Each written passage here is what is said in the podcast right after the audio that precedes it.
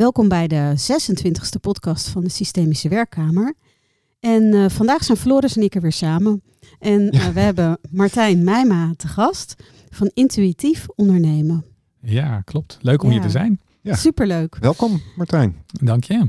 Hey, en om maar met de deur in huis te vallen, zou je iets willen vertellen over hoe je in het systemische werkveld bent terechtgekomen? Of hoe je daar als eerste mee in aanraking bent gekomen? Ja, dat is wel een interessante, want dat was ehm, 2006 of zo. En ik deed een geldworkshop. Een geldworkshop. Ja, over hoe je Oh, meer geld kon verdienen. Ja. En, ehm, en dat was bij Mahatma Rivier. En er waren met 80 mensen. En op het podium werd daar een opstelling gedaan. Ik wist helemaal niet wat het was, maar goed, daar ging een vader staan en moeder staan. En, en ik moest zo erg huilen. Mhm. En ik zat alleen maar te kijken. Dus ik denk, wat is Mm. dit? Dat is raar. Ja. Maar het, het raakte me zo diep dat ik dacht, wow, dit is wel eh sterk spul, zeg maar. En nou, dat was de eerste keer. Wauw. En toen ben ik niet meteen, oh, dat wil ik ook. Toen was het zo van, wow, dat heb, moest, moest ik even laten processen, zeg maar. En toen ben ik in 2007 voor mezelf begonnen. En toen voelde ik op een gegeven moment wel van, hé, hey, maar dat systemisch werk, dat is wel iets waar ik, ehm ja, waartoe aangetrokken word. En toen ben ik inderdaad ook een opleiding gaan doen, ehm, ja, om het, om het vak echt zelf te kunnen leren, zeg maar. Ja. Zelf te kunnen doen. Ja. Leuk. Hey, en hoe, hoe zag, ziet jouw loopbaan eruit, zeg maar?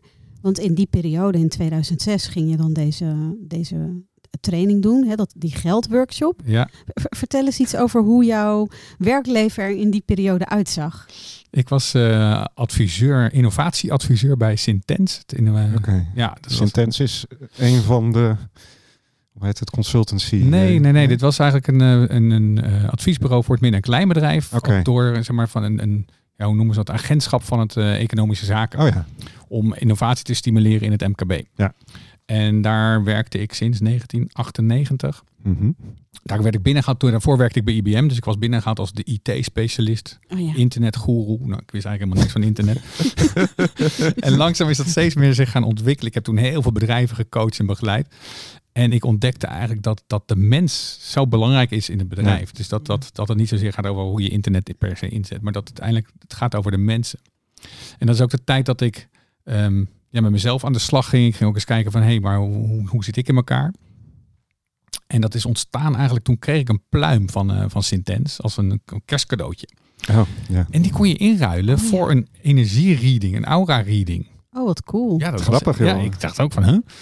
Want het Dus- klinkt hè, als een heel rationeel iets. eh, ja, dat allemaal, ja, want die werkt allemaal met modellen en zo. Ja. Maar ja, die pluim, die kon je ook, je kon er vis van kopen en je kon er boeken Ja. van kopen. En, en dus een aura-reading. Ja. En ik dacht, nou, laten we naar een aura-reading doen. Wat super. Ja, lachen hè? Met zo'n foto en zo ook? dat Nee, dan gingen ze foto gewoon zo zitten en dan eh, sluit ze zo de ogen en dan gaat ze een beetje wapperen met de handen. En dan zegt ze, oh ja, ja ik zie de wortels. En die, oh ja, nee, je wortelt bent niet echt geworteld hier nog. Nee, ik zie dat het nog beweegt. Nou, en dan komt er een heel verhaal. En ik dacht, wow, Het klopt. het klopt ja. Ja. Ja. En toen zei ik van, wauw, dat jij die gaaf hebt, dat is echt fantastisch. Dus hij zei, oh nee, maar dat kan je gewoon leren. Ja. Ja. Dat hoor je meer en meer, hè? Ja, dat Ja. vind ik wel interessant. En we kunnen dat echt allemaal. We kunnen het allemaal. Ja. Alleen het, het, het, het einde- eindelijk, en ik toen heb toen een jaar, nou het is eigenlijk een driejarig traject. Ik heb toen het eerste jaar gedaan. Dat heette ook zelfgenezing of zelfhealing. Ja. Want uiteindelijk moet je eerst allemaal zelf wat eh, dingen loslaten. Nou, daar, begon, daar hebben ze trouwens ook, dat noemden ze dan familiesculpturen. Ja. Dus dat was meer, nou, dat was een soort familieopstelling. Ik heb ook een brief aan mijn vader moeten lezen en dan zet hij ze schrijven. En dan zetten ze iemand tegenover je die dan je vader representeert. En dan Ja. moet je die brief voorlezen. Nou, tranen met tuiten natuurlijk. Het helpt wel. Het helpt, Als- uiteindelijk als- helpt het wel. eh, helpt het wel. Dat representeert inderdaad. eh, Ja, dus dat, dat, dat komt dan heel diep binnen. Ja. Ja. Dus eigenlijk was dat mijn allereerste, denk ik. Nou, ik weet het niet precies. Ja. Ehm, maar, maar daar kwam ik dus echt wel in aanraken van... hé, hey, ik, ik, ik- dit vind ik wel interessante materie. Toen besloot ik ook voor mezelf te beginnen. En ik moet zeggen, toen vond ik de aanpak heel erg vrouwelijk. Ja. Ik had ook twee mannenweekenden gehad, dus die mannenkracht was wat meer aangewakkerd in mij. En toen kwam ik bij Nienke Binkhorst, waar ik de opleiding heb gedaan om eh, systemisch te werken. Ja, en die is gewoon wat down to earth, heeft wat meer mannelijke energie en, en, Mhm. en voldoende zeg maar, vrouwelijkheid er ook erin. Dus dat vond Ja. ik heel fijn. En toen eh, heb ik daar inderdaad de opleiding eh, voor eh, opstellingen, familieopstellingen, organisatieopstellingen, maar ook, eh, zij noemt het dan energie waarnemen in een zakelijke context. Dus, Oh ja, cool. Ja, Ja. ja. dus. En, Mooi. en van daaruit is jouw onderneming ontstaan. Ja, eigenlijk na, na dat jaar zeg maar zelfhealing, Ja. ja. toen begon het echt een beetje te borrelen bij mij van ja, ik wil toch voor mezelf eh, wat gaan doen. Ja. En, eh, en ik merkte ook dat bij Sintens de grens een beetje aan het opzoeken was. We gingen een keer een business spiritualiteit event organiseren met Paul de Blot, maar ook met, Oh, eh, met organisatieopstellingen. En dat was natuurlijk fantastisch. Alleen dat zat een beetje tegen het randje wat, daar, wat ze daar zeg maar, wat, wat binnen het systeem daar past. Ja. Ja, Dus toen voelde ik ook wel echt van, nou, ik moet, ehm, ja, ik, ik, ik ga mijn vleugels uitslaan. ik ga gewoon cool. mezelf beginnen. Ja. Ja, ik ken wel wat mensen die bij Pentascope gewerkt Oh ja. hebben. En dat was, daar kon dit natuurlijk allemaal echt. Daar klopt. gingen ze helemaal los. Dus alles wat ook maar richting alternatief was, dat werd uitgeprobeerd en ingesloten. Dat vond ik heel gaaf aan, eh, aan wat ik altijd hoor van mensen die daar gewerkt hebben. Dat vind ik wel gaaf. Ja, absoluut. Maar niet alle organisaties staan daar zo in. eh, Nee. En bij ons was er een groepje die er wel mee bezig was. Maar ik merkte ook, weet je, als, je dat, als ik dat echt daarvoor wil gaan staan en dat echt groter wat neer wil zetten, Dan, Ja, eh, dan- dan- past het niet. dan past het gewoon niet er meer. Nee, nee, nee. Dan moet Nee. je ook niet daar willen doen dan. Ja. Nee. Nee, dat merk je natuurlijk snel genoeg. Ja. Dat, En inmiddels zijn ze zeg maar gefuseerd met eh, de Kamer van Koophandel. En Ja. Nou ja. is het allemaal nog wat zakelijker geworden. Ja. Ja. Ja. ja, dat is in deze maatschappij Ja. wel. Hè. We tenderen toch allemaal weer richting het zakelijke efficiëntie en eh, Ja, ja. vooral. eh, dus, eh, Oh, ik zie genoeg tegen, tegenwicht. nee, maar Dus er één roept het ander doen. op natuurlijk. Hè. Ja. ja, wat je wel ziet ja, inderdaad wat ik is, merk is, is dat er ja. in, die onderstroom gebeurt een heleboel, vind ik. ja, er gebeurt een heleboel. En, en, en, maar je ziet wel een soort van, van twee strijd is niet helemaal het, goede woord. Maar Twee dan- kampen. Ja, dus je krijgt mensen die dus echt dat, het spirituele opzoeken. En zeggen Ja. van nou, we gaan systemisch kijken. We gaan naar die onderstroom kijken. En anderen die daar echt ver van blijven, zeg maar. Ja. Ja.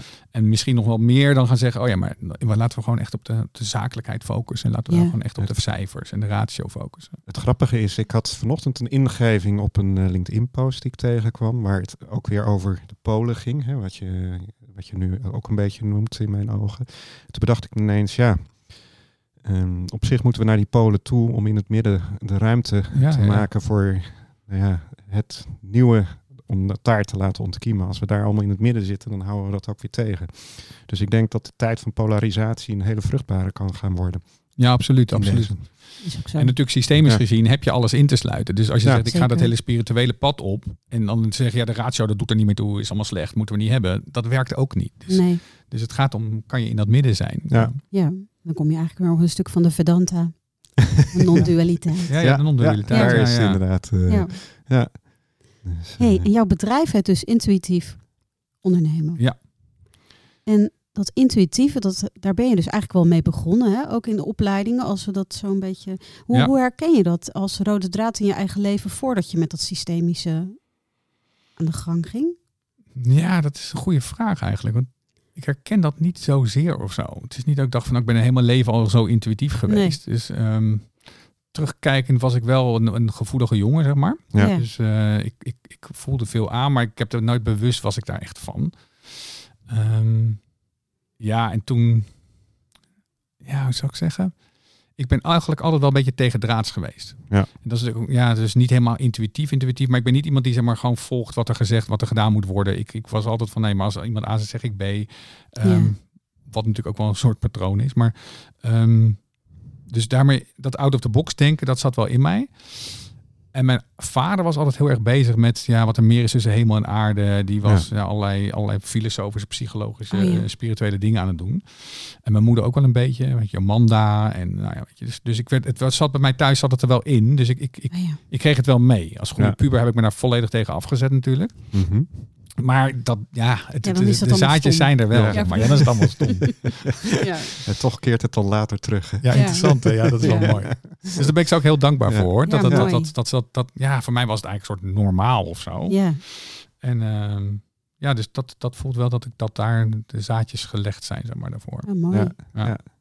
Ja. en dat gevoelige ook wel wat me, wat me opviel in jouw verhaal, waar je als eerste even over begon, dat, je, dat er dan bij die workshop over dat geld, hè, dat je dan ook tranen met tuiten huilt, weet je wel. Dus dat Ja. je dan zo geraakt bent. Ja, bizar. Dat vind ik gewoon mooi om dat dan te horen. Dus dat, Ja, ik wist ook echt niet waar het vandaan kwam. Nee. Want dat was echt zo'n pril, dat was Ja. het nieuw, zeg maar. Toen was ik Ja. net nieuw be- bezig met, dit, met, met het werk. en dan wordt er echt even iets aangeprikt of zo, hè? Ah, niet even, er werd echt iets vol, vol, Frontaal. Ik probeer het frontale een beetje, plaat. ja precies. En ik weet, nou, dat heeft wel echt vier, vijf jaar geduurd voordat ik door had waar dat aan lag, zeg maar. Ja, Dus ik dacht dat het met mijn vader te maken had. Die was net Mhm. overleden. En die, Ja. nou, dat ging ook over mijn vader. Maar ik moest op het podium staan. En ik moest zeggen, ik kies voor het leven. Ja. Ik kies voor het leven. Ja. Stond ik daar. Hortend en stotend. Ja. Hortend en stotend. En toen kwam ik er, ja, ik denk vier, vijf jaar later achter dat ik een alleen geboren tweeling ben. Hmm. Oh, kijk. Toen dacht ik, Ja, oh, Daar zit... dat, Ja. daar, daar voelde ik dat al. En Ja. dat, dan komt het, dat kwam zo diep binnen. Ja. Ik had geen benul, zeg maar. Ja, dan kom je echt op die laag van die existentiële eenzaamheid. Ja, ja, ja. En Die dus dan ook niet voor het leven willen kiezen. Nee. Dus eigenlijk zeg ik, ik blijf liever bij mijn zusje. Ja, Ja, dan dat ik dan, vol eh, ga leven. Ja. Dus daarom moest ik dat ook zeggen. Ik kies voor het leven. Ik snapte die hele zin niet. nee.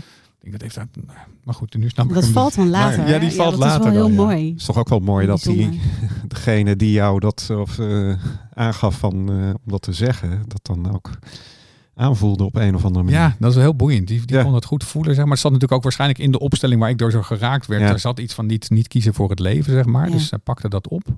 Ja, en dat vond ik wel, ja, ja, dat is eh, Dat vind ik, ik vind kwaliteit. dat sowieso. Ik, eh, ik had inderdaad laatst ook eh, bij een opstelling over doodgeboren kindjes. En dat een eh, week later mijn vader over al zijn doodgeboren broertjes en zusjes eh, begon, eh, begon te babbelen. bijzonder. Hè? Ja. Ja, ja, ja. Ja, dat dat. Eh, en Ja, dan heb je een veld geopend. Ja. En dan bewegen anderen dan gewoon met je mee, dat Ja. veld in. Ja, dat is heel interessant. maar daar past hij ook op, hè? Ik kies voor het leven. Ja, Ja. absoluut. Is, eh, Ja, ja. Ja. Dus ik is voor heel veel mensen, ik Ja. doe soms wel echt een ritueel, zeg maar. Waarbij ik mensen zeg maar, naar, de, naar de overledene breng. En daar Mhm. dan ook echt afscheid laat nemen. En zeggen, ja, Ja. ik kies voor het leven. Ja. Want dat is gewoon in heel veel mensen, want met doodgeboren kindjes. Of mensen die niet volledig konden leven. Of Ja. nou ja, weet je, dus dat, dat, ja, dat is er zo vaak. Ja. Ja. ja. Ja, dat is Ja, voor mij wat dan zo een- mooi is, als, als mensen kunnen voelen van ik doe dat dan ook ter ere van jou. Ja, Ik doe dat ook voor jou. ja, En ik neem je mee en ik draag je mee. En ik draag het niet voor jou, maar wel ter ere van jou. ter ere Ja. van jou, ja. Nou ja, dat is inderdaad in mijn systeem is dat een heel sterk thema. Want de, de eerste vrouw en de eerstgeborene van, eh, van mijn opa, die zijn in het kraambed achtergebleven. Ja, ja, Dus, ja. dat, eh, dus die zijn overleden.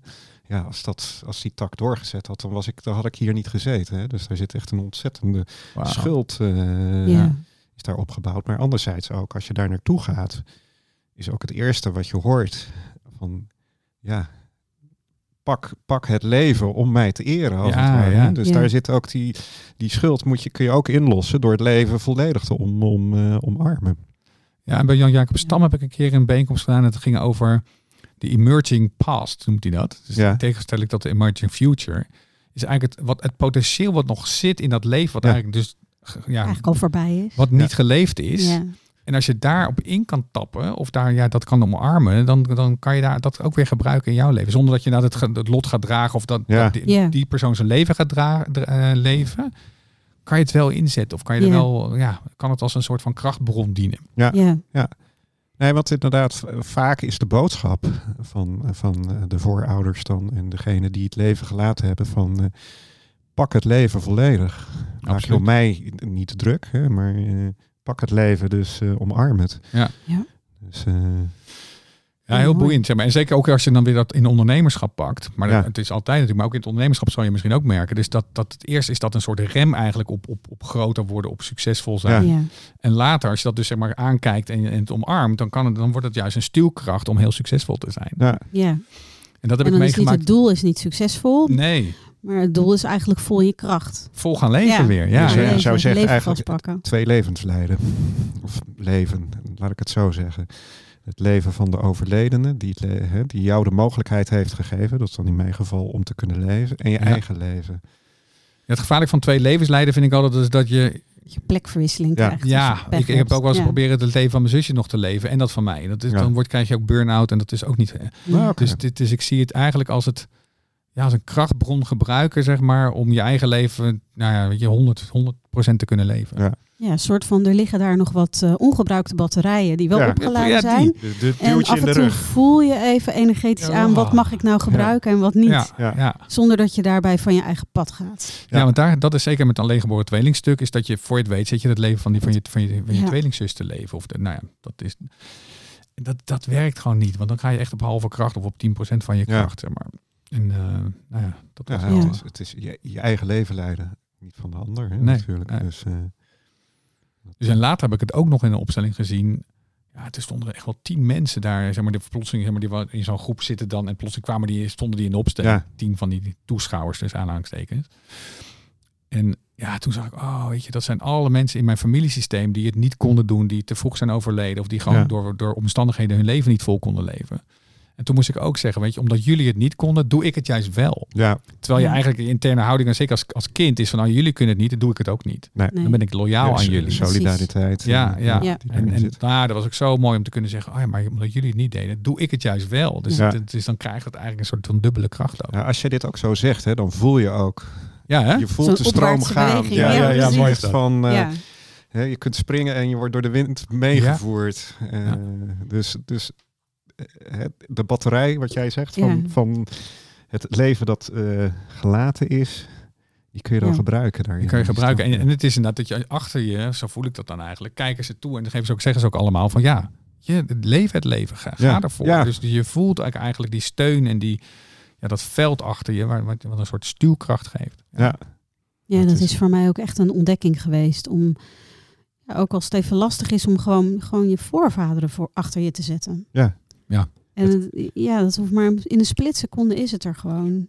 het grappige Het is er altijd natuurlijk. Ja. Maar we zijn ons er niet altijd bewust van. Nee. Ja. Ja, ik kon tot vijf jaar geleden niet naar achteren toe. Ik kon mijn rug niet voelen. Ik kon Mm. dan echt wat erachter gebeurde. Dat, eh, En, en eh, nou ja, het is, het is losgemaakt. En wat jij zegt, als je dus inderdaad eh, grootouders, de trots die daarin zit, de kracht die daarin zit. Ik kan nu achteroverleunen en me laten, laten, eh, laten de, ja, naar voren glijden. Of hoe moet je het zeggen? Ja. Het is... eh, Ik noem het wel eens een batterij, of ook weer een batterij. Dat je, zeg maar, als je ja. even wil opladen, Ja. dan leun ik gewoon achterover. Stel ik al mijn ouders en voorouders er maar voor Ja. me.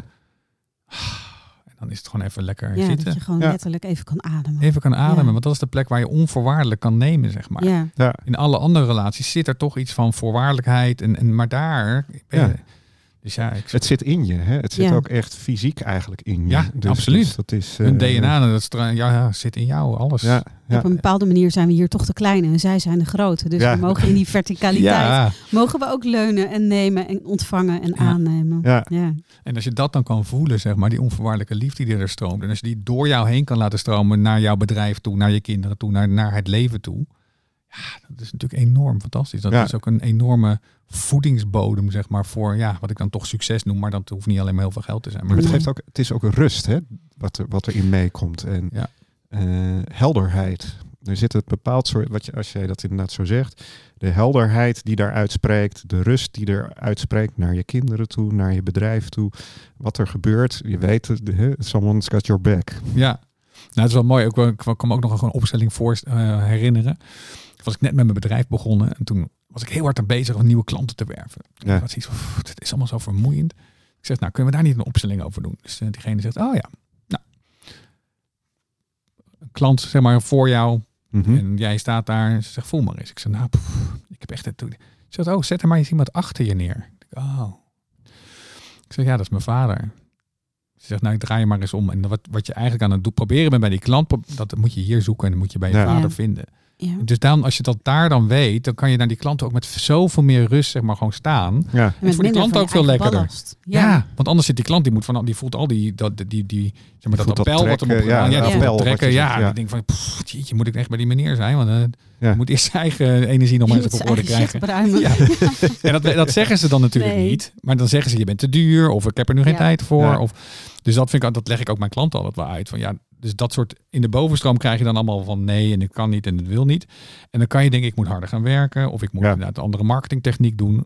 Of je moet je omdraaien en naar je vader kijken in mijn geval. Ja. Ja.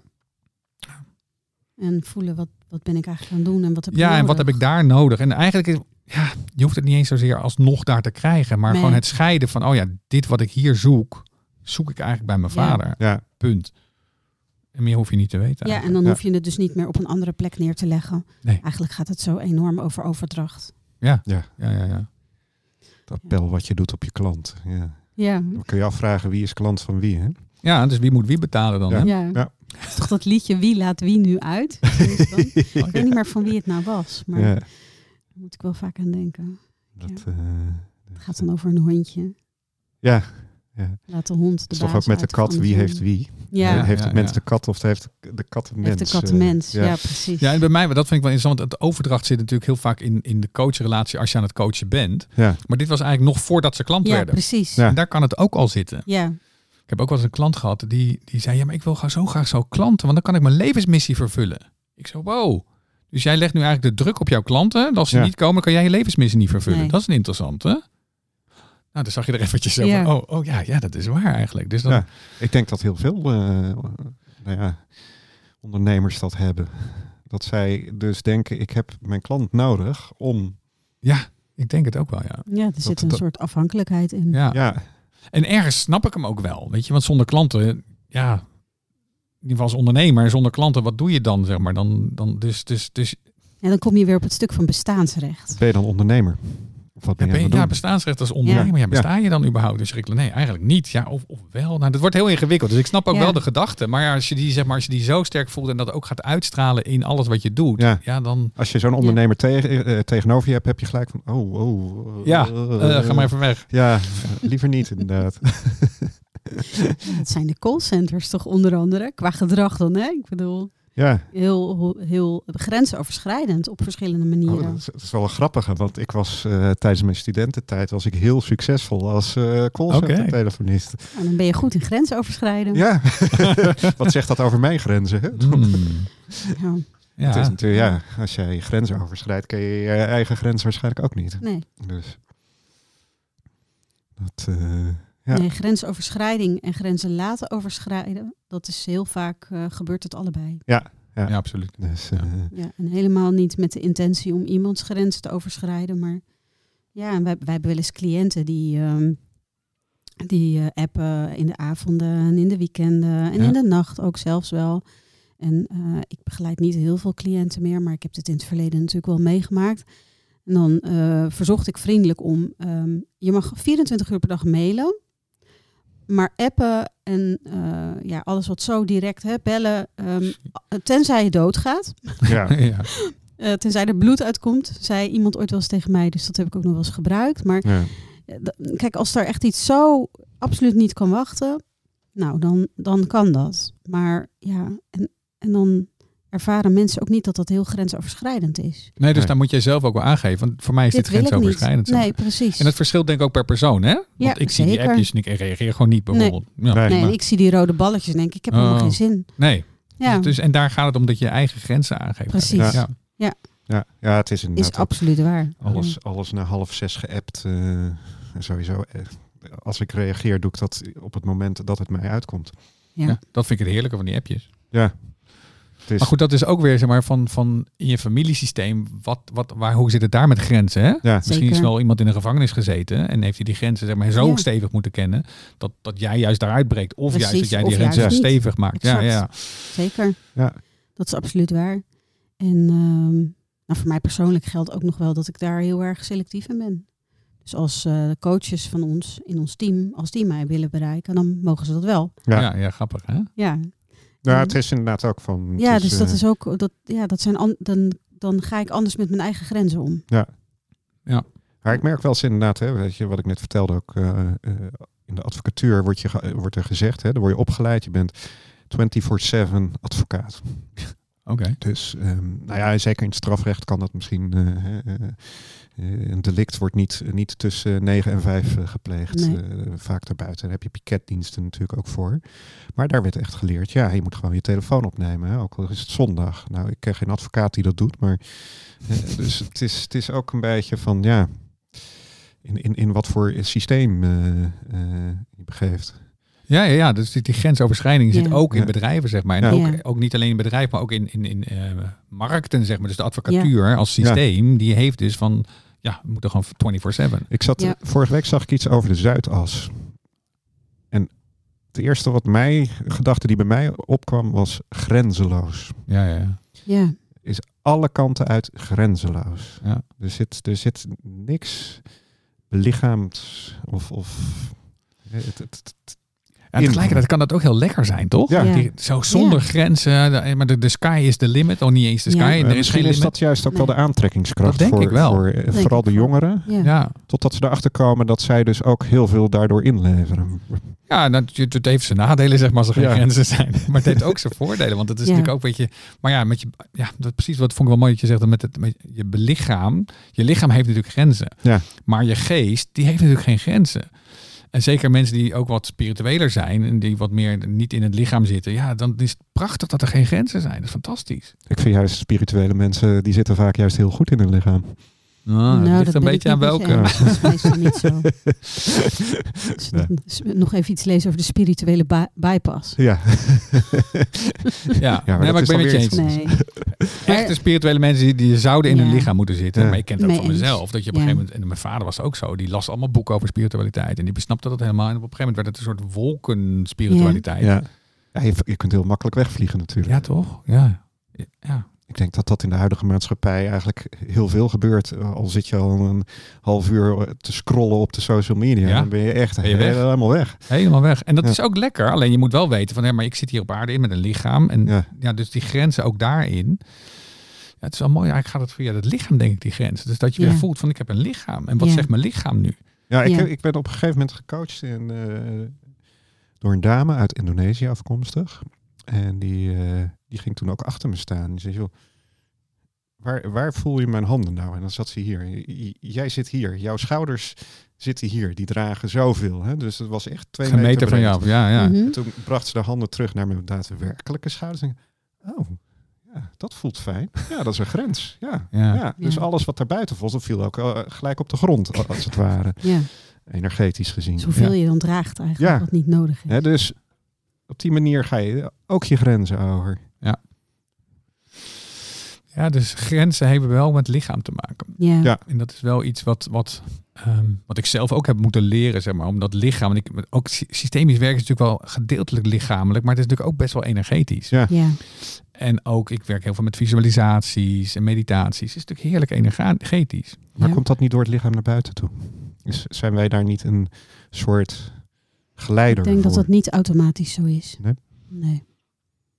Of, of zou het collectief? Hmm.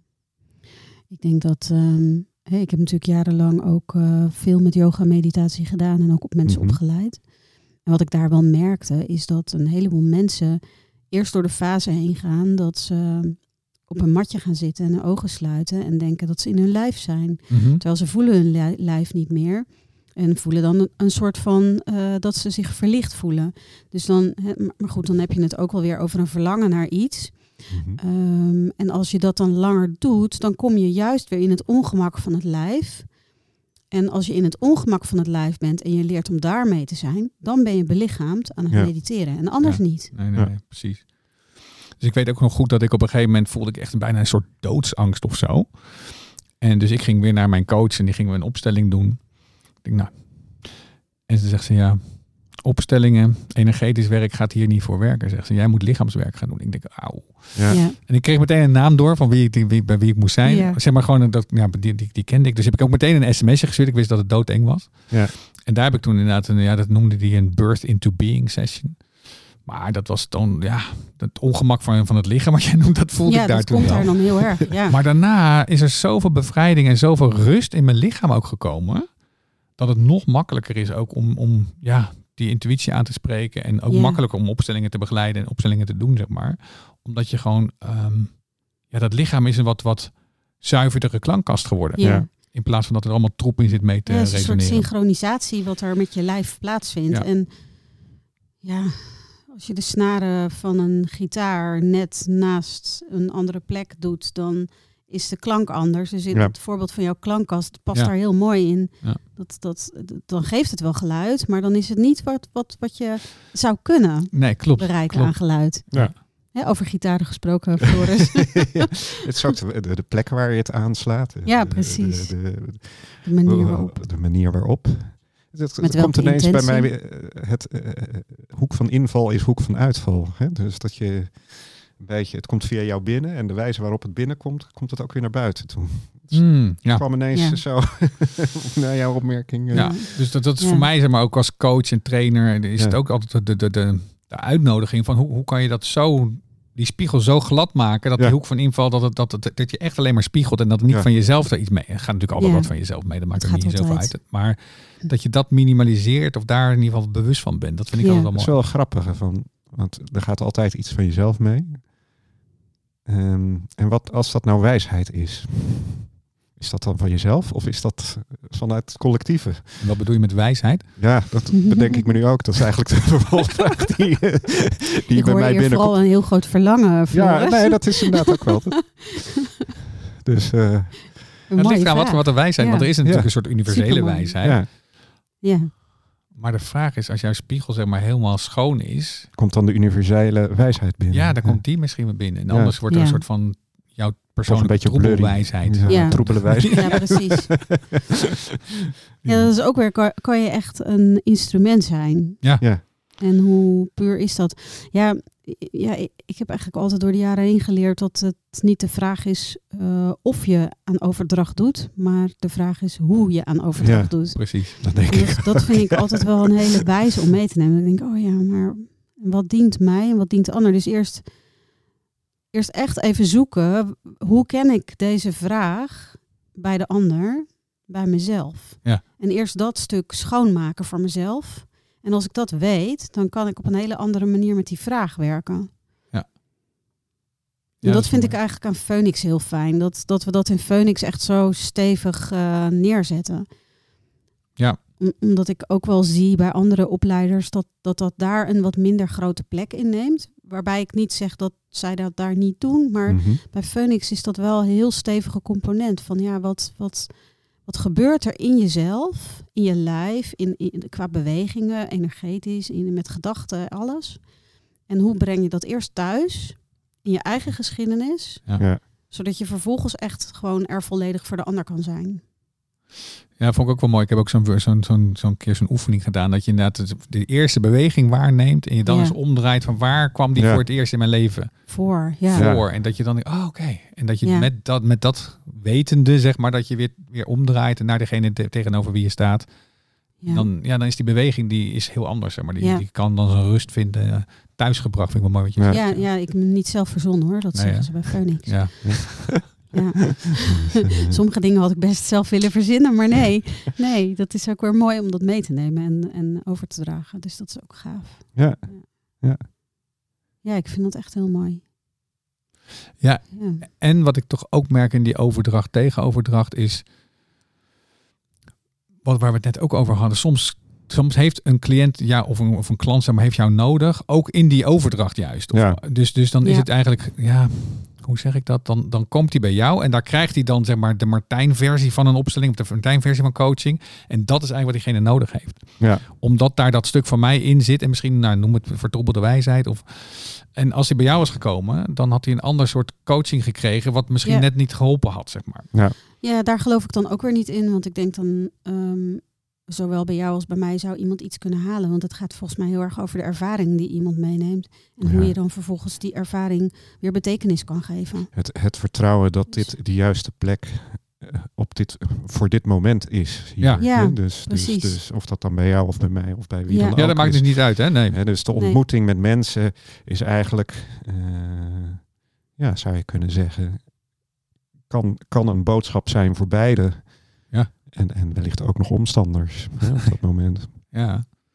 En dan is dus eigenlijk de Ja. vraag van, voor, voor als je een coach zoekt, van hoe bepaal je dan wat de juiste persoon op het juiste moment is, hè? Ja, Ja. ja. Hoe, hoe doe je dat dan? ja. Ja, moet je daarover nadenken. En dat gaan mensen wel doen. Ja, ik ken mensen met hele lijstjes. Ja, hè? Je hebt dan een heel lijstje voor zich. Ja, dit is het vierde bureau waar we komen kijken om te zien welke coach bij me past. Mm. Ja. En nou, die hebben dan een soort afvinklijstje met dingen die ze belangrijk vinden. Met vinkjes en zo. Oh, echt, heel ja? matrixje. Komt niet veel voor zo hoor, Nee. extreem. Maar, maar het komt wel voor. Dat mensen dan heel erg natuurlijk vanuit dat hoofd. ja, Ja, voel ik me hier gezien of gehoord? Dat is dan eigenlijk, hè, dat is dan al niet de vraag die erop staat. Maar dat zou een mooie vraag kunnen zijn. ja, Ja. kun je me de checklist leveren hele- om me beter te voelen. Bijvoorbeeld, ja.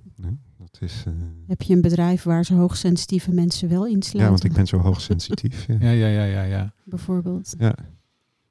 Ja, ik, eh, nou, zoals ik dus die ene persoon, ik krijg dan gewoon inderdaad een soort van, nou, daar moet ik naartoe. Ja, ik Ja. ook. Ja, Ja, ik, ik, Ja. Ik, ik, ik merk dat ik daar ook meer en meer op kan vertrouwen. Ik kom echt wel uit, uit de hoek van, eh, ja, waar we het in het begin ook al even over, voor de podcast over hadden, over advocatuur, wat vooral eh, hoofdwerk is, om het zo eens te zeggen. Hè, Ja. Dus dan zit je inderdaad echt met, met de vinkjes en de formulieren.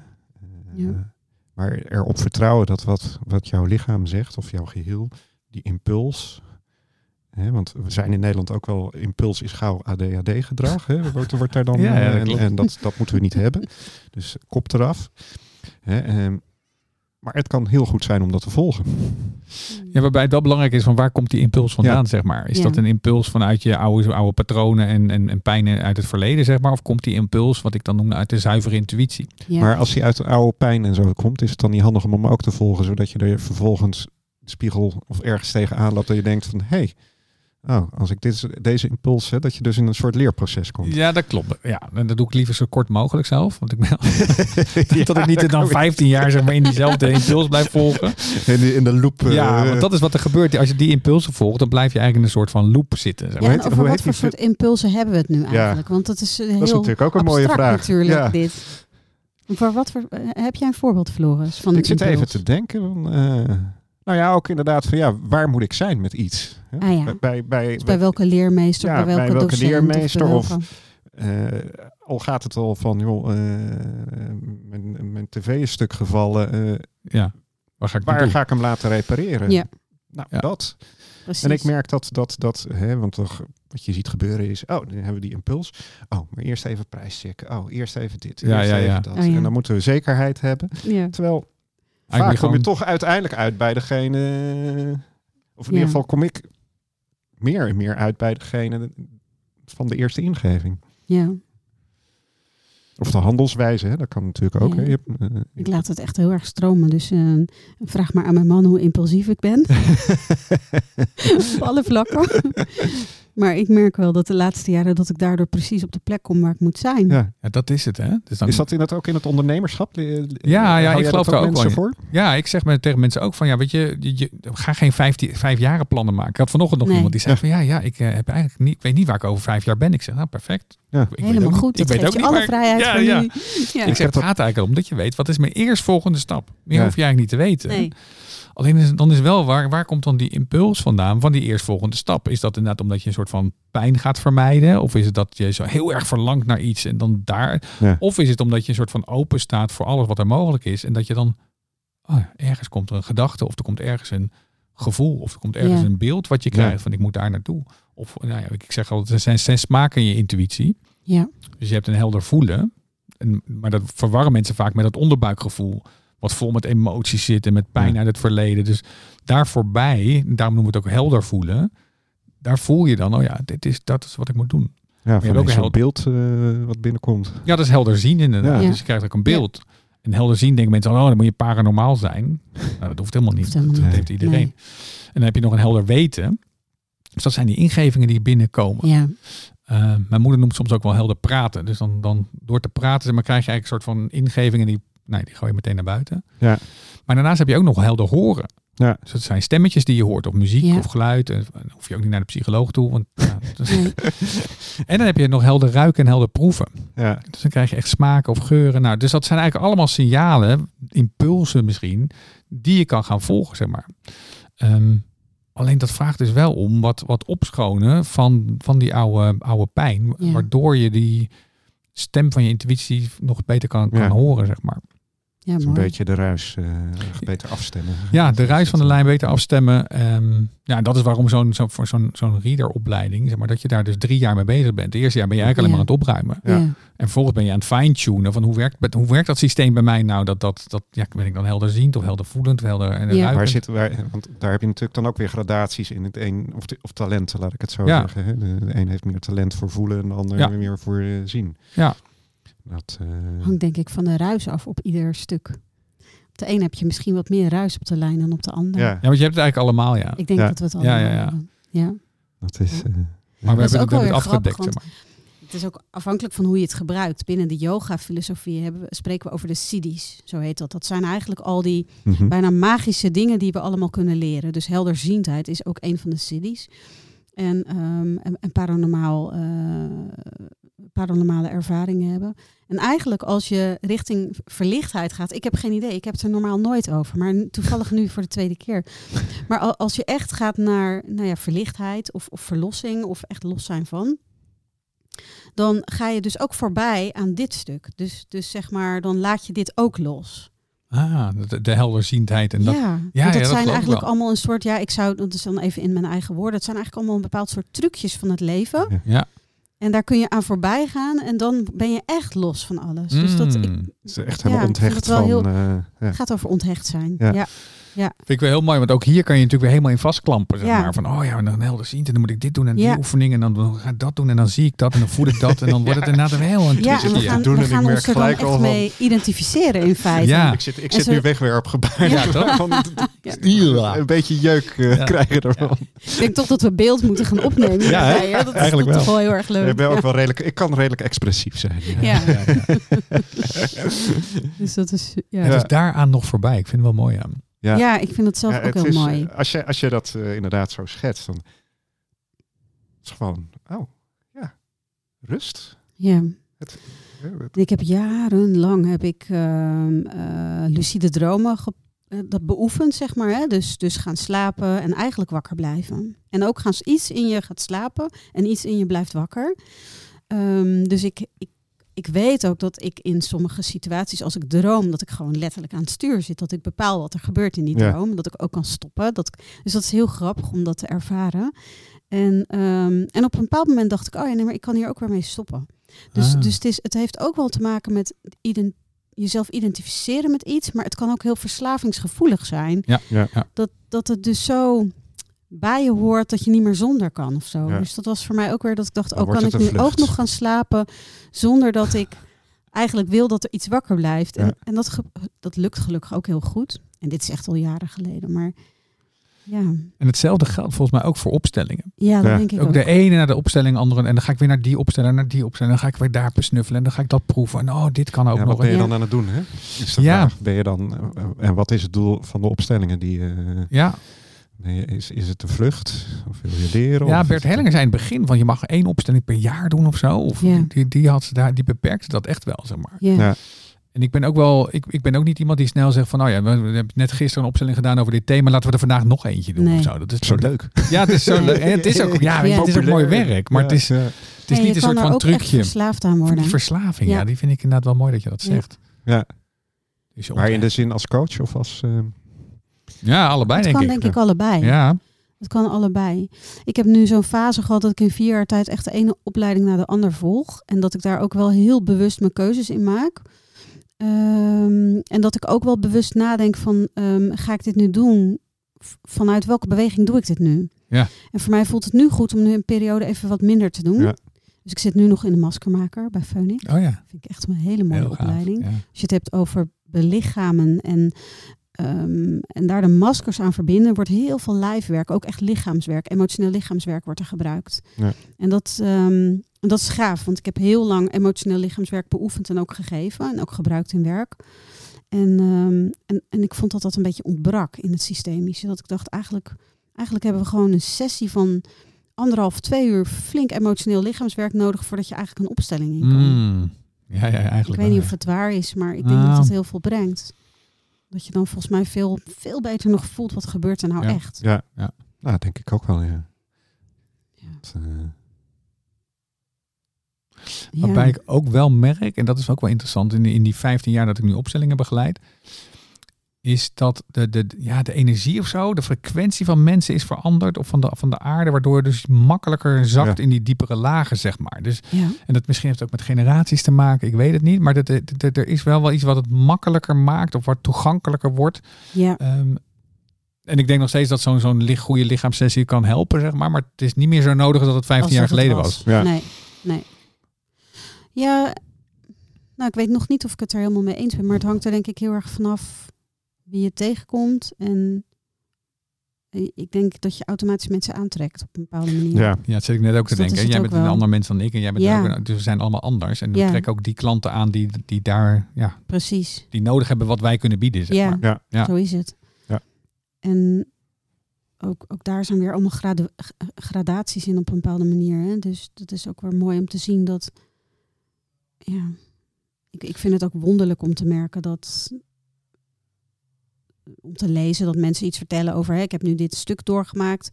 En ehm, jaren later, oh, dan komt dat stuk, hetzelfde stuk weer langs. Ja. En dan heb ik het ook nog een keer doorgemaakt. Oh, en dan krijg, krijg ik er andere ervaringen bij. Dus dat is ook gewoon Ja. heel gaaf om te merken dat je elke keer net weer wat dieper kan vallen dan dat je eerst dacht dat kon. ja. Dus en, ja, en ik denk dat lijfwerk daar wel heel erg in helpt. Ja, absoluut. ik denk het ook Ja. wel. Ja. Dus dat is, ik denk dat we nu in het bewustzijn zijn met z'n allen. Dat we weten dat er een lijf is en dat het fijn is om in het lijf te komen. En ik denk ook dat we ehm, van het bewustzijn naar het gewaarzijn moeten. Ja.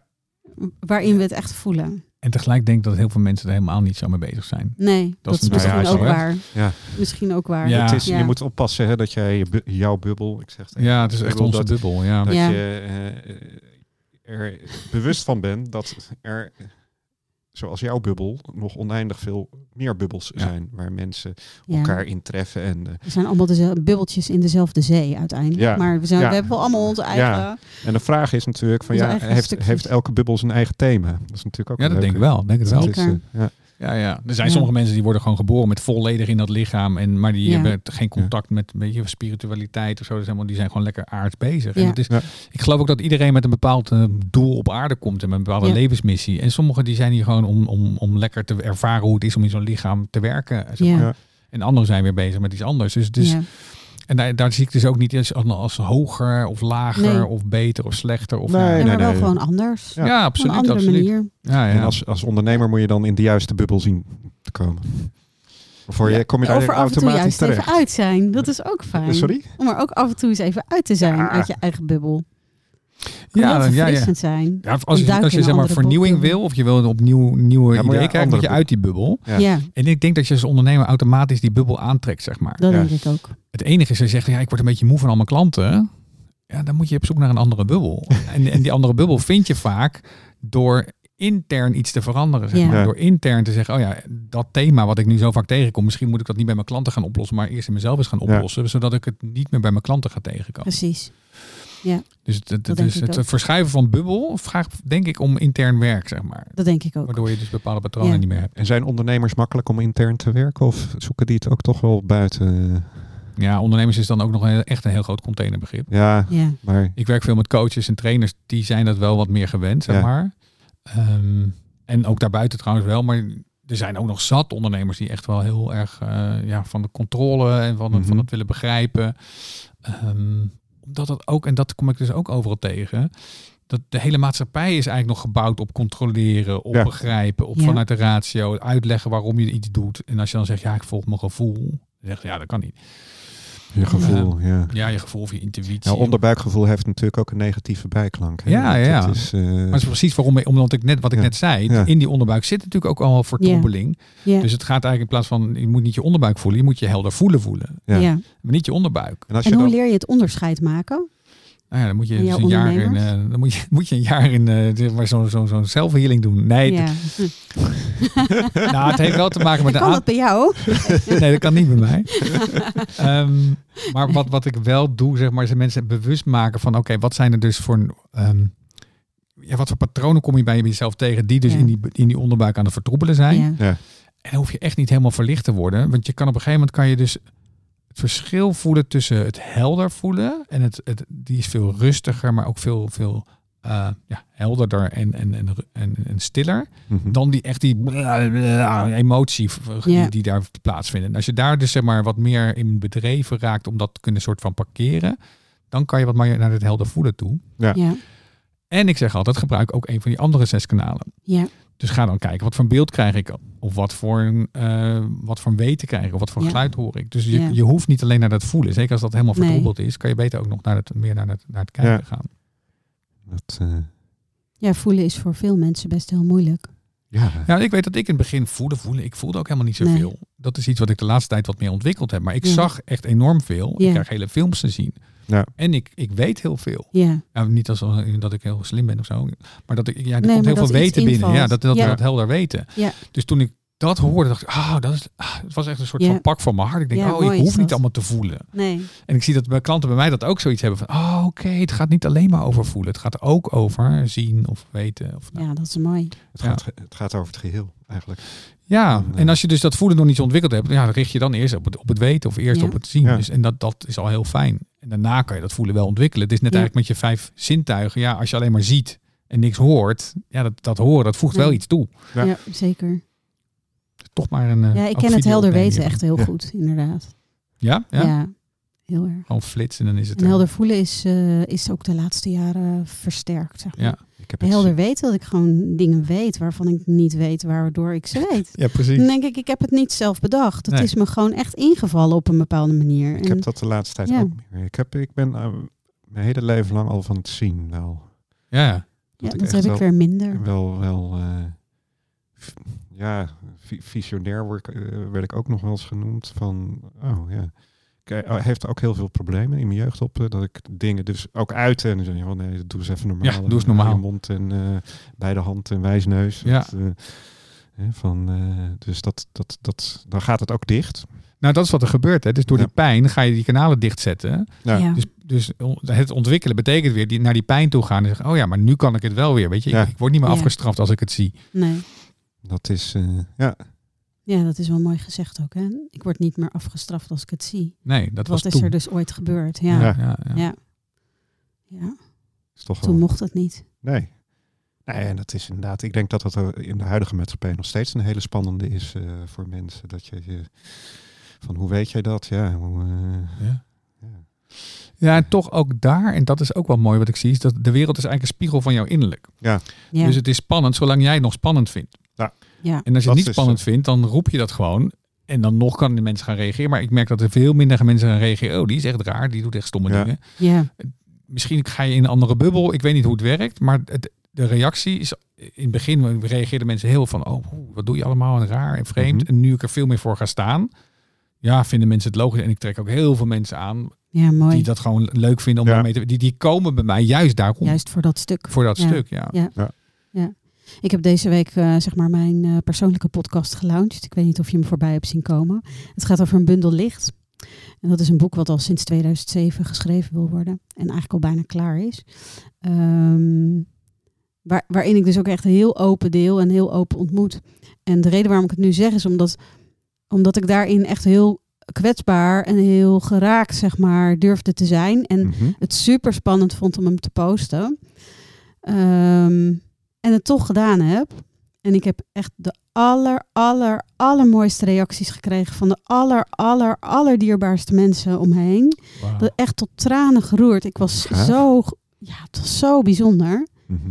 Dat ik echt dacht, oh, ja, dus dit is wat ik, wat ik te doen heb. Dit Ja. is wat ik mag doen. Ja, Ja, ik voel Dat het was helemaal, ja. echt zo vet. Ja, dat is echt gaaf. Ja. En dan zie je wat er gebeurt als je vol in je eigen kracht gaat staan.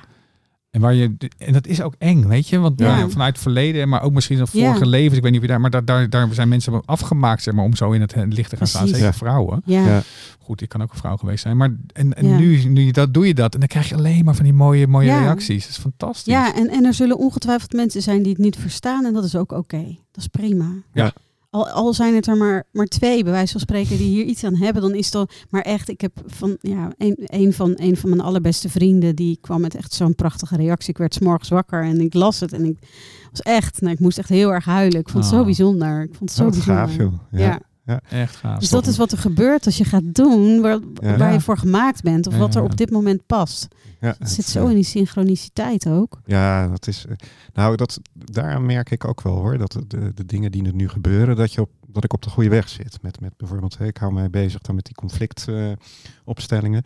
ik, eh, ik heb heel lang gevochten ook tegenover, tegen de advocatuur, tegen het advocaat zijn, omdat mijn vader.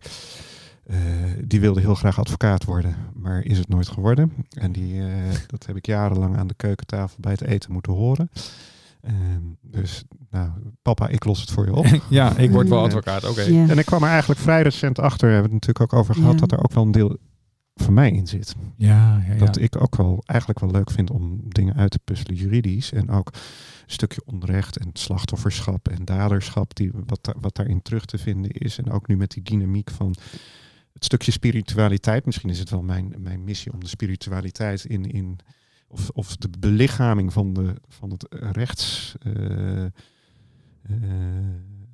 van, van, van de wetgeving weer terug te brengen. Hè. Vroeger was, waren de regels heel sterk geënt op van wat is ons rechtsgevoel. Ah, En tegenwoordig is, is, wordt het recht gebruikt vanuit de overheid om van ja, we willen die kant uit. En dan gaan we die regels voorschrijven. Oh, en die regels werken niet. Nou, dan sturen we gelijk maar bij. En niemand weet meer waar die aan toe is. En waar, hè, er zit een hoop onzekerheid in. En ik denk, wat je zegt, als, als we, het lijkt wel een thema te zijn, deze podcast. Als we teruggaan naar dat lichaam. ja. Het weten van het lichaam.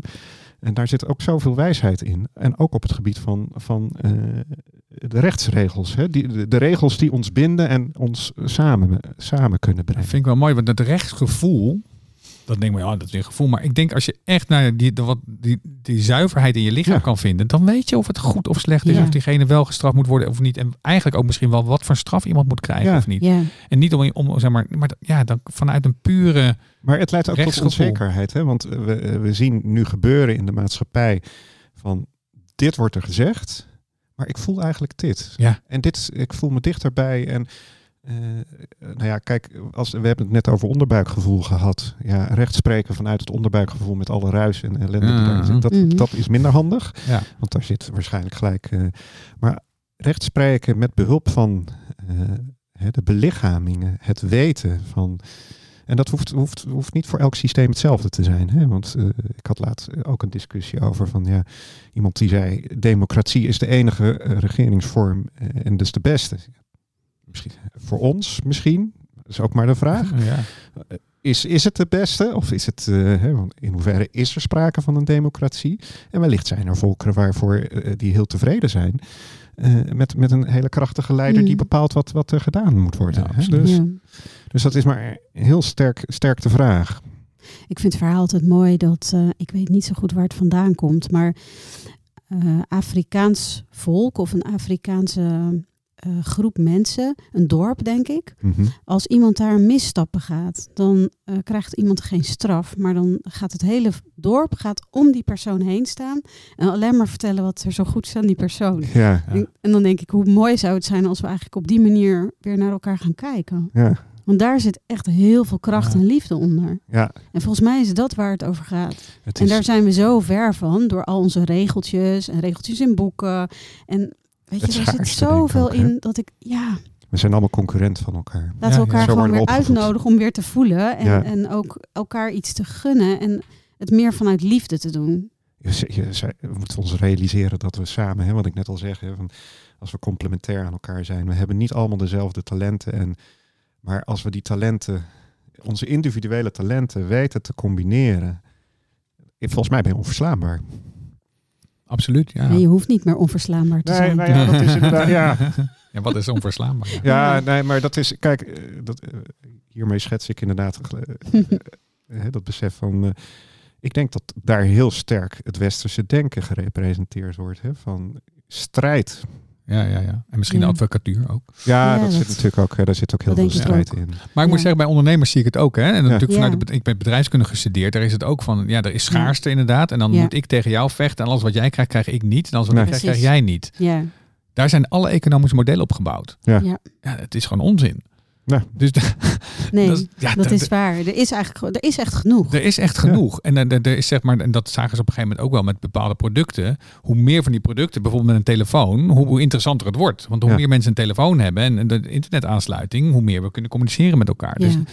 En als ik zeg maar als coach extra, een extra coach, roept ook weer een extra markt op, want dan krijg ik weer andere vragen. Kijk, wat Ja. jij met je, met je, met je advocatenopstellingen of met je conflictopstellingen. Ja, dat voegt echt iets heel erg weer toe. Ja. aan het opstellingenveld. Dus ja, dan kan ik zeggen, oh, dan komt er een nieuwe concurrent in de opstellingen. Ik kan ook conflictopstellingen, maar dat is niet zo. Nee, Nee. Dus nee. nou ja, dat, dat, die schaars en dan, en dan met elkaar vechten, dat, ja, dat is wel iets wat Ja. diep in ons zit. Ja. Ja, Ja, dus dat is ook wel wat jij zegt, Floris. Iedereen heeft zo zijn unieke invalshoek. ja, daarom. En daarmee voeg je toe aan het veld. Ja. En dat is gewoon mooi om bij te dragen aan elkaar stukken. Ja, maar ik, ja, dat is natuurlijk ook een beetje ergernis eh, wat ik heb ten opzichte van het onderwijs. Dan word je natuurlijk echt wel weer in een hokje geduwd. Van ja, zo, zo hoort het. En, en eh, vraag is inderdaad, hoort het echt zo? Natuurlijk hebben we omgangsvormen nodig. Ja, dus het, is, het zou heel raar zijn als ik jou tegenkom en ik geef jou geen hand, maar een draai om je oren bewijzen Ja, van. dat- Dan, dan, hè, dus dat zal iets minder gewaardeerd worden, ja, denk ik. om het even extreem te maken. Ja, ja. Dus we, we moeten kunnen vertrouwen op bepaalde omgangsvormen. Hè, maar dat laat nog zoveel ruimte voor, voor eh, eh, individuele ontplooiing en eh, de verbinding met anderen die daaruit kan ontstaan. Hè. Dat, dat is natuurlijk ook nog een thema van hoe verbind je jezelf met de ander. Wij leren ons, eh, we leren niet om ons te verbinden. Als jij een concurrent bent van mij, dan wil ik, ja, dan kan dat een gevaar zijn. Hè? Moet ik mij daaraan verbinden? Of, of hoe moet je daar dan mee omgaan? Ja, dat, ik geloof dus ook niet in concurrentie. Dus, ik nee. niet. dus ik, nou ja, Absoluut Nee. niet. dat zien we. We zitten hier om, aan tafel. Dus Ja. ik zou ook zomaar concurrent kunnen zijn van elkaar. Oh, dat zou best kunnen. Ja, Dus ik vertel dat ook altijd tegen mensen. Van, ja, er is geen concurrentie. En het eigenlijk Nee. ook vanuit het systemisch gedachtegoed. Want er is altijd een goede plek voor jou in het systeem. Ja, als dus- jij je plek kan maar in Als je maar je wel je eigen plek Ja. inneemt. ja. En dat betekent dus dat er ook in een markt waar ik dan als coach instap in dit geval. Dan, dan is daar een goede plek. En een goede plek in de markt betekent dus Ja. ook dat er klanten bij horen. zeker. En dan kan jij daar ook instappen. En als je op jij, jouw plek gaat staan, dan. Maar als je gaat zeggen, oh ja, die Martijn doet het zo goed, ik ga het precies zoals Martijn doen. Ah, dan wordt hij een dan- beetje tricky. Want Ja. dan ga je zeg maar op mijn plek staan. Ja, en de enige die daar echt goed kan staan, dat, dat ben ik. Zelf. Ja. Ja. precies. Dus, dus ik, ik vertel ook mensen wel van, ja, weet je, het, het gaat erom dat jij jouw plek in die markt gaat vinden. Ja, En dat je daar vol voor gaat staan. Precies. En dat is wat jij net dus ook deelt. Hè? Dat Ja. gaan staan betekent misschien ook dat je iets moet gaan delen of iets Ja. gaan doen, wat best Ja. wel spannend is. Want ja, zeker. dat is jouw plek. Ja. Zeker. En als je zeg maar op de, aan de veilige kant gaat zitten, omdat dat nou ja, weet je, wat meer geaccepteerd Ja, dan is. blijf je net wat meer in het midden. ja. En daar krijg je ook niet helemaal wat je, wat je toebehoort. Nee, dan wat krijg je ook niet de klanten past. die, die Nee. nee. En dus ook ja, het succes en de stroom van liefde en energie en ook geld, zeg maar, die krijg je dan niet. Nee. Of niet ten volste, totdat je echt gaat staan voor waar je voor staat. Ja. Ja. En dat is heel spannend. Dat, Maar ja, ja, ook heel dat gaaf. is ook zo. Dat is echt kleur bekennen op een bepaald, Absoluut. bepaalde manier. Absoluut, ja. Ja. Ja. Ja. Maar eh, dat geeft rust. In Geeft het echt- begin geeft het heel veel onrust. Maar als je er eenmaal staat, geeft Ja. het rust. geeft het rust. Ja. ja. dus, eh, Nou, ik vind wel dat we een mooi gesprek hebben. Ik zit heel even naar de tijd te kijken. ja, Het is nu een uur ongeveer. ja. Martijn, Wat wat, zou jij nog willen delen? Is er nog iets wat je heel graag mee zou willen geven? Of iets wat je nog niet gezegd hebt? Waarvan je het wel toch... Nee, we zijn er alle... Iets wat je wil vragen aan ons misschien? Of ja. Floris, heb jij nog vragen, Martijn? Nou, een vraag die ik eigenlijk wel heb is, wat, wat zie je gebeuren in het systemische veld? Jullie spreken heel veel mensen. Dus waar, waar zien jullie van, wat, wat gebeurt er met het, met het systeemwerk, systemische werk, het, het opstellingenwerk? Het gevoel wat ik heel erg heb, is dat we elkaar steeds meer opzoeken. Ja. En elkaar met elkaar verbinden. Ja. En dat komt denk ik ook wel ehm, omdat er naast ons ook wel meer podcastmakers zijn. Waar verschillende mensen aan tafel gaan met elkaar. Dus ik, ik zie dat er vooral veel verbinding komt. Ja. Hmm. En dat er ook voor mijn gevoel op een hele fijne manier naar elkaar wordt gekeken. Zo van, oh wat mooi hoe, hoe jij het doet. En precies wat jij zojuist ook schetst, dat, dat iedereen zo zijn eigen kracht en zijn eigen manier, zijn eigen unieke stukken daarin heeft.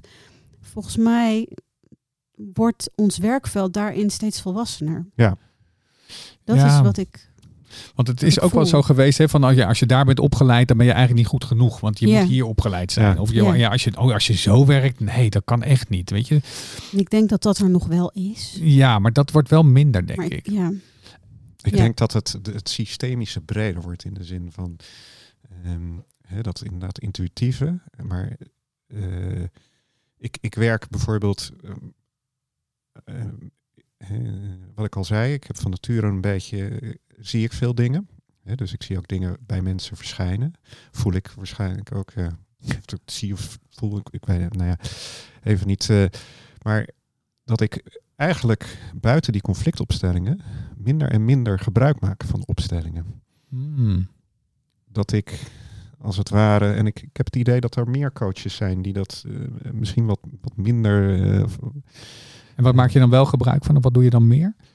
ehm, ik, ik, ik, er- ken, je, ken je de serie, hoe heet het? The Gambit of zo? Of hoe heet dat nou? Van die Ja. schaakster? Ja, ja, de Gambit, ja. hoofd De Queen's De Gambit. Queen's Queen's Gambit. Gambit. Zit, zit- zit- Ja. Van die scènes dat ze zo... Nou, zo, zo gaat het bij mij ook een beetje. Dus op het plafond ziet ze dan inderdaad die stukken verplaatst, waardoor ik ze eigenlijk ik weet. zie inderdaad, ik, ik, als ik wel eens een telefoongesprek met mensen voer, dan ploppen de kinderen, de, de, de man, de vrouw, en dan zie ik ze zo staan en dan zeg ik iets en dan zie, zie ik het bewegen. en, Ah, en, dus de opstelling gebeurt eigenlijk in, Ja, jou, in, je, in mijn hoofd. Ja, in je hoofd, ja. Oké. Interessant. ja. En dat heb ik Interessant. eigenlijk. En ik denk ook wel wel spannend. Want Ja. het bevindt zich in jouw eigen veld. Nou, dat weet ik niet of dat mij. Het voelt niet zo als, als eigen veld. Maar hoe, hoe check je dan wat er, wat er bij de ander gebeurt? Ben ik even benieuwd. Ik, ik eh, eh, via, via vragen. Ja, precies. Dus Ik- dan ik- check je op is- die manier of de ander Ik, ik sta, ik, ik, het is Ja. ook niet, ik sta daar buiten. Hè? Ik, Ja. ik, ik sta daar echt buiten. Ja. Zo, hè? Dus ik, ik, ik zie mezelf ook als het ware staan Ja. daarbij. Dus ik heb mezelf in de gaten en ik heb het veld als het ware in Ja. de gaten. Ja, ik heb ook wel eens bij Jan-Jacob Stam gezeten en dan die gaat ook naar binnen toe. Ja, Ja, En dan loopt hij gewoon drie, Dan vier. voelt Ja, de, nou, hij voelt niet eens. Hij ziet gewoon drie, vier. Oh ja, het gaat over de vader. Nee, het gaat niet over moeder. Oh, oké. En zo Ja. loopt hij eigenlijk een aantal dingen. Dus die doet ook een opstelling in zijn hoofd. Ja, ik vind in je hoofd misschien niet helemaal het juiste. nee, dat is maar niet het juiste, hè?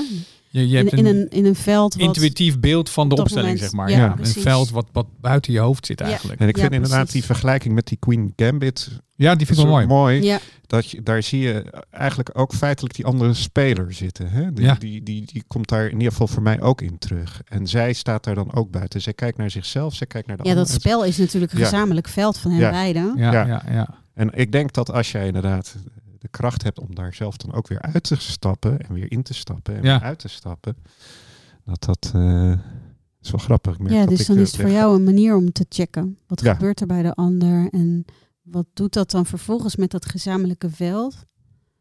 En dat is inderdaad ook Ja. wel, als ik dan terugkijk, hè, wat in het begin over eh, de rechtszaken die ik dan deed. Hè, van, oh, deze ga ik winnen, oh, deze ga ik verliezen. Ja, dat moet je niet doen. Ja, ga het toch. En dan inderdaad wordt er verloren. Maar dan gebeurt er ook, hè, dan zie ik ook echt de woning waar het om gaat, of, of het pand, of de partijen die, die komen op. Als ik eh, mensen begeleid bij onderhandelingen, dan zie ik, eh, dan is het een beetje ook weer dat schaakspel van, hè, dan, bij wijze van ontvouwt het dan eigenlijk. Misschien, en, en dan zie, je men, zie ik echt mensen naar voren buigen over tafel en terugleunen. En dat zeg, dat zeg ik ook altijd tegen de klant van ja, als hij dat doet, moet je zus doen. En dan komt Ja, het ja, ja. terug van ja, nou ja, het is, het is precies zo verlopen zoals je zei. Ja, Ja, interessant. hè. En dat is Ja, wat dat ik is echt dat mooi. helderziende Ja. noem. Ja, ja. Je, je ziet intuïtief, zie je gewoon al. echt wat er gebeurt. Ja, en je kan, en dat is het mooie van de intuïtie, je komt dus in een veld waar Ja. geen tijd en plaats is. Dus jij kan al iets waarnemen wat morgen kan gaan plaatsvinden. exact. Ja. Maar ja, als ik dat eh, roep eh, binnen de orde van advocaten. Ja, dat kan je niet roepen natuurlijk. Dus Nee, niet dat luisteren, niet luisteren. Nee. dat, eh, dus, eh, Het zou wel een hele mooie nascholing zijn. Ja. absoluut, absoluut. ja. Nou, en ik denk toch ook daar, want ik zie toch wel een soort jongere generatie komen die veel opener staat voor dit Ja. soort dingen. Ja. En ook in de advocatuur, ook in de, in de, de, de, de grote consultancybureaus.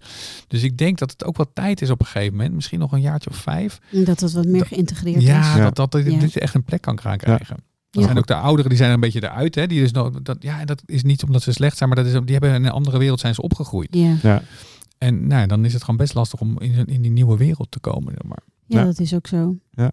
De wereld is natuurlijk wat dat betreft ook heel snel veranderd met mogelijkheden en dingen die we wel en niet beschikbaar hebben. Ja, ja, en wat ook veel eh, eh, ehm, andere culturen zijn veel toegankelijker geworden doordat we kunnen reizen en via Ja. social media daar ook beelden van op kunnen, kunnen pikken. Hè. Dus we kunnen ook heel goed zien hoe het bij anderen gaat. Enerzijds zie je daar dan een reflex dat mensen heel erg gaan vasthouden aan, eh, aan hetgeen wat was.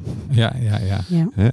Maar er is ook een hele grote groep die zich in, eh, met interesse beweegt in de richting van, eh, van de andere culturen, heb ik het idee. Ja, ja, de wereld wordt wat dat betreft, zie je ook één. Ja. En dat is natuurlijk hartstikke mooi. En dat, ja, dat levert nu ook wel even wat spanningen zeg maar, op. Ja. Ja. Maar het is wel, ehm, ja, ik zie dat ook wel gebeuren. Ja, Ja. Dat is wel mooi. Dus, Als we maar niet een soort eenheidsworst van alles maken. nee, Dus, dus dat er dwang komt van wat voor plek Nee, dan ook. nee, hè? nee. Want ik geloof uiteindelijk, zeg maar, maar goed, dat is misschien een soort van, als we allemaal in die intuïtie of in dat, dat veld doen of nou ja, alles loslaten, dan, dan worden we één, maar geen eenheidsworst. Maar dan Nee, voel je precies. wat jij ook zegt. We hebben allemaal onze eigen uniciteit, Ja, maar samen vormen we het geheel, zeg maar. ja. Precies. En als je dat kan voelen, dan, dan, Ja. dan ben jij één en ik ben één. En we zijn allemaal één. En, en we zijn allemaal uniek. We zijn allemaal Ja. die golfjes in die grote zee, Ja, zeg maar. Maar als je dat kan voelen, Ja, dat is waar het over gaat. ja, inderdaad. en dat Ja. is ook waarom ik eigenlijk wel die ondernemerscoach, omdat en, en dat het intuïtief ondernemen. Want als je dat allemaal kan voelen, dat je vanuit dat eenheidsbewustzijn zaken gaat doen, Mhm. ja, dan gaan we elkaar niet doodschieten, dan gaan we geen olie Nee. dumpen, dan gaan we niet proberen zoveel mogelijk geld te ko- verdienen ten koste van anderen. Dan, Nee, dan stroomt Nee. geld door ons heen naar anderen toe en dan Ja. is het eigenlijk gewoon één groot, groot, ja, ik noem het ook wel eens liefdesstroom van geld, zeg maar. Ja, Ja. precies. Maar dat zou ik wel. eh, Dat zou mooi Mooi zijn. Ja, zijn. Als, als, is als, energie. Ja, als, als de liefdesenergie aan geld verbonden kan worden. ja, Ja. nou, daar ja zit dat is het aan. denk ik ja. Ja? Ja. Ja. Misschien bij jou nog niet. Nee, bij mij nog niet helemaal. ik zie nee. namelijk Nee. dat je een beetje Nee, aan het puzzelen Het is wel bent, maar- grappig hoor, want ik zit Ja. even terug in mijn systeem te graven daar. Hè. Mijn overgrootvader van moederskant, eh, die was leerlawyer Mhm. eh, in O- Oosterwijk, Oosterwijk eh, bij Tilburg. En dat is allemaal op de fles gegaan, omdat ze daar hadden ze de Voortse stroom. En die Voortse stroom, eh, die werd vervuild, daar loosde eh, Tilburg. eh, ehm, vervolgens is het hele gezin, eh, of toen mijn overgrootvader overleed, zijn alle kinderen eh, met elkaar in de clinch gegaan om, eh, om de erfenis, Ah. die schadevergoeding. Want Mm. en anderzijds, wat daar interessant is in mijn systeem, is dat dat de eerste milieurechtelijke arresten bij de Hoge Raad Ah. opgeleverd. Ah, Dus. Daar komt het juridische en, en het ondernemerschap en, en, Ja, daar komt het allemaal in samen. Dus, ja. ja. Dus daar zit wellicht ook nog wel een stukje van, ja, het geld is daar de splijtswam geweest. ja, ja, ja, ja. Ja, dus er was weinig liefde bij Ja. op dat moment. Ja, precies. Ja, dus dat, dat zeg ik altijd. We projecteren van alles op, die, Ja. op, die, op dat geld. Ja. Vanuit de maatschappij, vanuit ons familiesysteem. Maar in de essentie is geld liefde. Ja. En als je daar weer mee, en als je het zeg maar zo schoon kan maken voor jezelf, dat je daarmee contact kan maken. Ja, en als we dat allemaal zouden kunnen, dan wordt het toch zo wordt mooi. het een ander Ja. verhaal. Is ook zo. Ja. Ja. Dat is Dat wel grappig. zo. Ja, kunnen, we kunnen natuurlijk doorgaan. Maar de hoeveelheid geld die er nu in, de- in de wereld rondzwerft, Het is enorm. is enorm groot. Natuurlijk, Ja. er is genoeg geld. Ja, maar Ja. hoe lief is dat? is dat Nou ja, daar wordt van alles mee gedaan en Ja. opgeplakt. Er wordt van alles van gevonden. ja. Maar met dat geld zelf, Maar wat doet het geld daar zelf in, hè, met de inflatie nu? nee, dat doet het geld niet. Dat doen mensen. Ja. Dat doen organisaties.